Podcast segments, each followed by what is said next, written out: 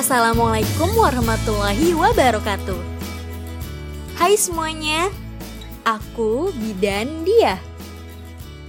Ngomong-ngomong, hari ini adalah hari Kamis tanggal 7 Mei 2020 ketika podcast ini diupload. Tentunya dua hari yang lalu tanggal 5 Mei kan? Di mana 5 Mei itu bukanlah tanggal yang biasa bagi kami para bidan Sebab 5 Mei merupakan Hari Bidan Internasional loh.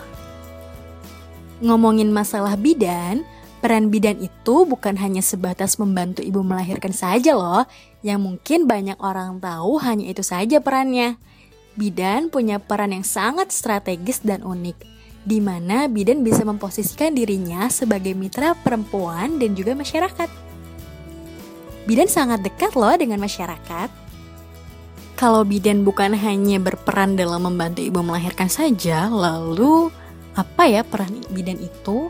Kalau kita melihat dari kewenangan bidan, bidan berwenang dalam pelayanan kesehatan ibu, pelayanan kesehatan anak, pelayanan kesehatan reproduksi perempuan, dan juga keluarga berencana.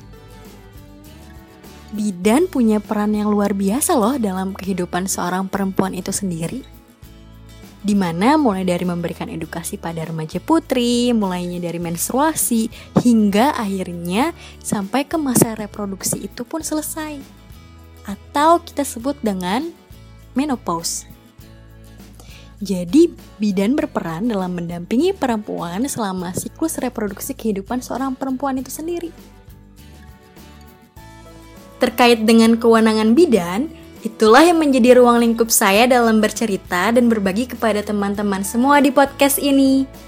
Tapi, saya lebih memfokuskan bahasan mengenai kesehatan reproduksi ya. Kenapa? Karena topik ini masih menjadi hal yang tabu bagi masyarakat kita. Soalnya kalau ngomongin kesehatan reproduksi, pasti ngebahas tentang seks. Katanya begitu. Padahal, kesehatan reproduksi itu nggak melulu tuh ngebahas tentang seks. Yuk kita dengarkan obrolan-obrolan menarik lainnya. Hanya di Bidan Dia.